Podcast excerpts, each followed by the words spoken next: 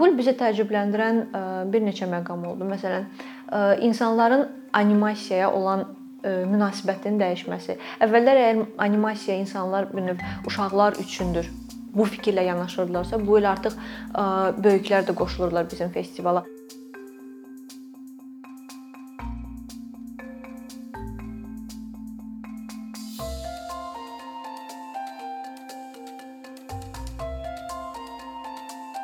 İlk anime film festivalı 2018-ci ildə baş tutmuşdu. O zaman e, festivalın miqyası çox kiçik idi.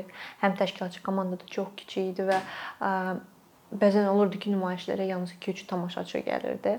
Və təbii ki, miqyasın kiçik olmağı, həmçinin e, maddi dəstəyin də kiçik olmağı idi və bizim çox az tərəfdaşlarımız var idi.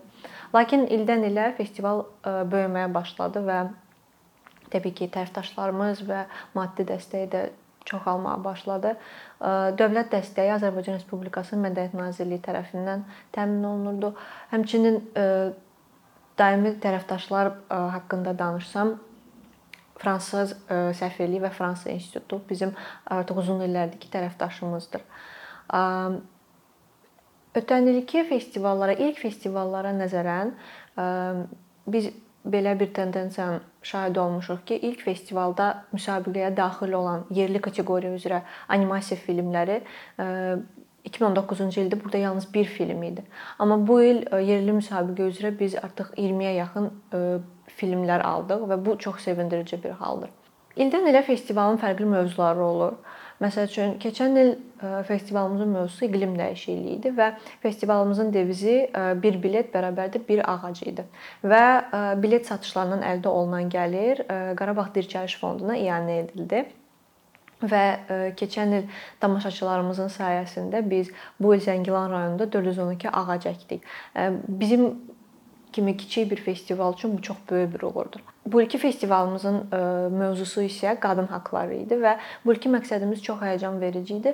Çünki e, bilet satışlarından əldə olunan gəlir e, qadın rejissorunun öz animasiya filminin istehsalında ianə ediləcəkdi. Və ən maraqlı tərəfi isə onda idi ki, bu qadın rejissor bizim bu ilki festival çərçivəsində təşkil olunan development workshop proqramı daxilində iştirak edən 5 nəfər e, qız iştirakçılarımız arasında seçiləcəkdi.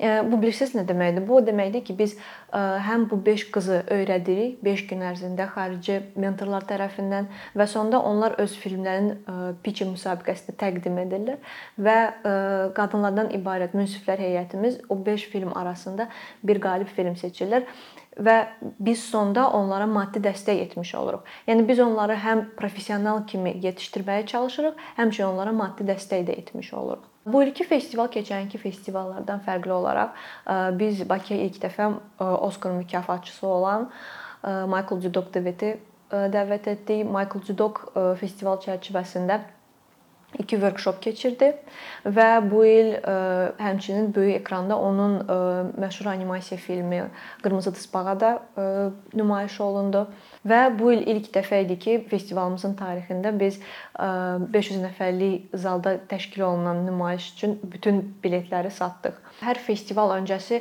müəyyən bir gözləntilərimiz olur, belə deyək, müəyyən bir məqsədlərimiz olur. Bu il bizi təəccübləndirən bir neçə məqam oldu. Məsələn, insanların animasiyaya olan münasibətinin dəyişməsi. Əvvəllər əgər animasiya insanlar bir növ uşaqlar üçündür bu fikirlə yanaşırdılarsa, bu il artıq böyüklər də qoşulurlar bizim festivala. Tək nümayişlərə yox, həmçinin biz festival çərçivəsində workshoplar və master-klasslar təşkil edirik və bu il mən bunun şahidi oldum ki, artıq böyük insanlar da gəlirdilər, workshoplarda iştirak edirdilər və çox aktiv iştirak edirdilər, hətta deyərdim. Bizdə nümayişlər sonrası sual-cavab sessiyaları olur və mən tamaşaçıların verdiyi suallardan belə qərara gəldim ki, bizim tamaşaçılar çox diqqətlə izləyirlər filmləri və e, çox maraqlı suallar verirlər. Biz hər il istəyirik ki, bizim müsabiqəyə yerli kateqoriya üzrə e, daxil olmuş filmlər artıq beynəlxalq kateqoriyada yarışsınlar. Amma əfsuslar olsun ki, hələ ki bu tam reallaşmayıb. Çünki ə, biz istəyirik ki, bizim yerli animasiya filmləri keyfiyyət baxımından artsın. Bizdə beynəlxalq kateqoriyada Qran Pri mükafatı var və biz çox istəyirik ki, artıq növbəti illərdə bizim jürilər ə, yerli animasiyamıza, bizim ə, Azərbaycanlı rejissorlarımızın filminə bu Qran Pri mükafatını versinlər. Və ə, əslində son illər ərzində biz elə daxil olan filmlərdən bunu şahid olmuşuq ki, Azərbaycanda animasiya sahəsinə maraq ildən ilə artıb. Bu çox müsbət nəticədir, çox yaxşı göstəricidir. Lakin artıq növbəti addım bu filmlərin keyfiyyətini artırmaq, peşəkar səviyyəyə çatdırmaqdır.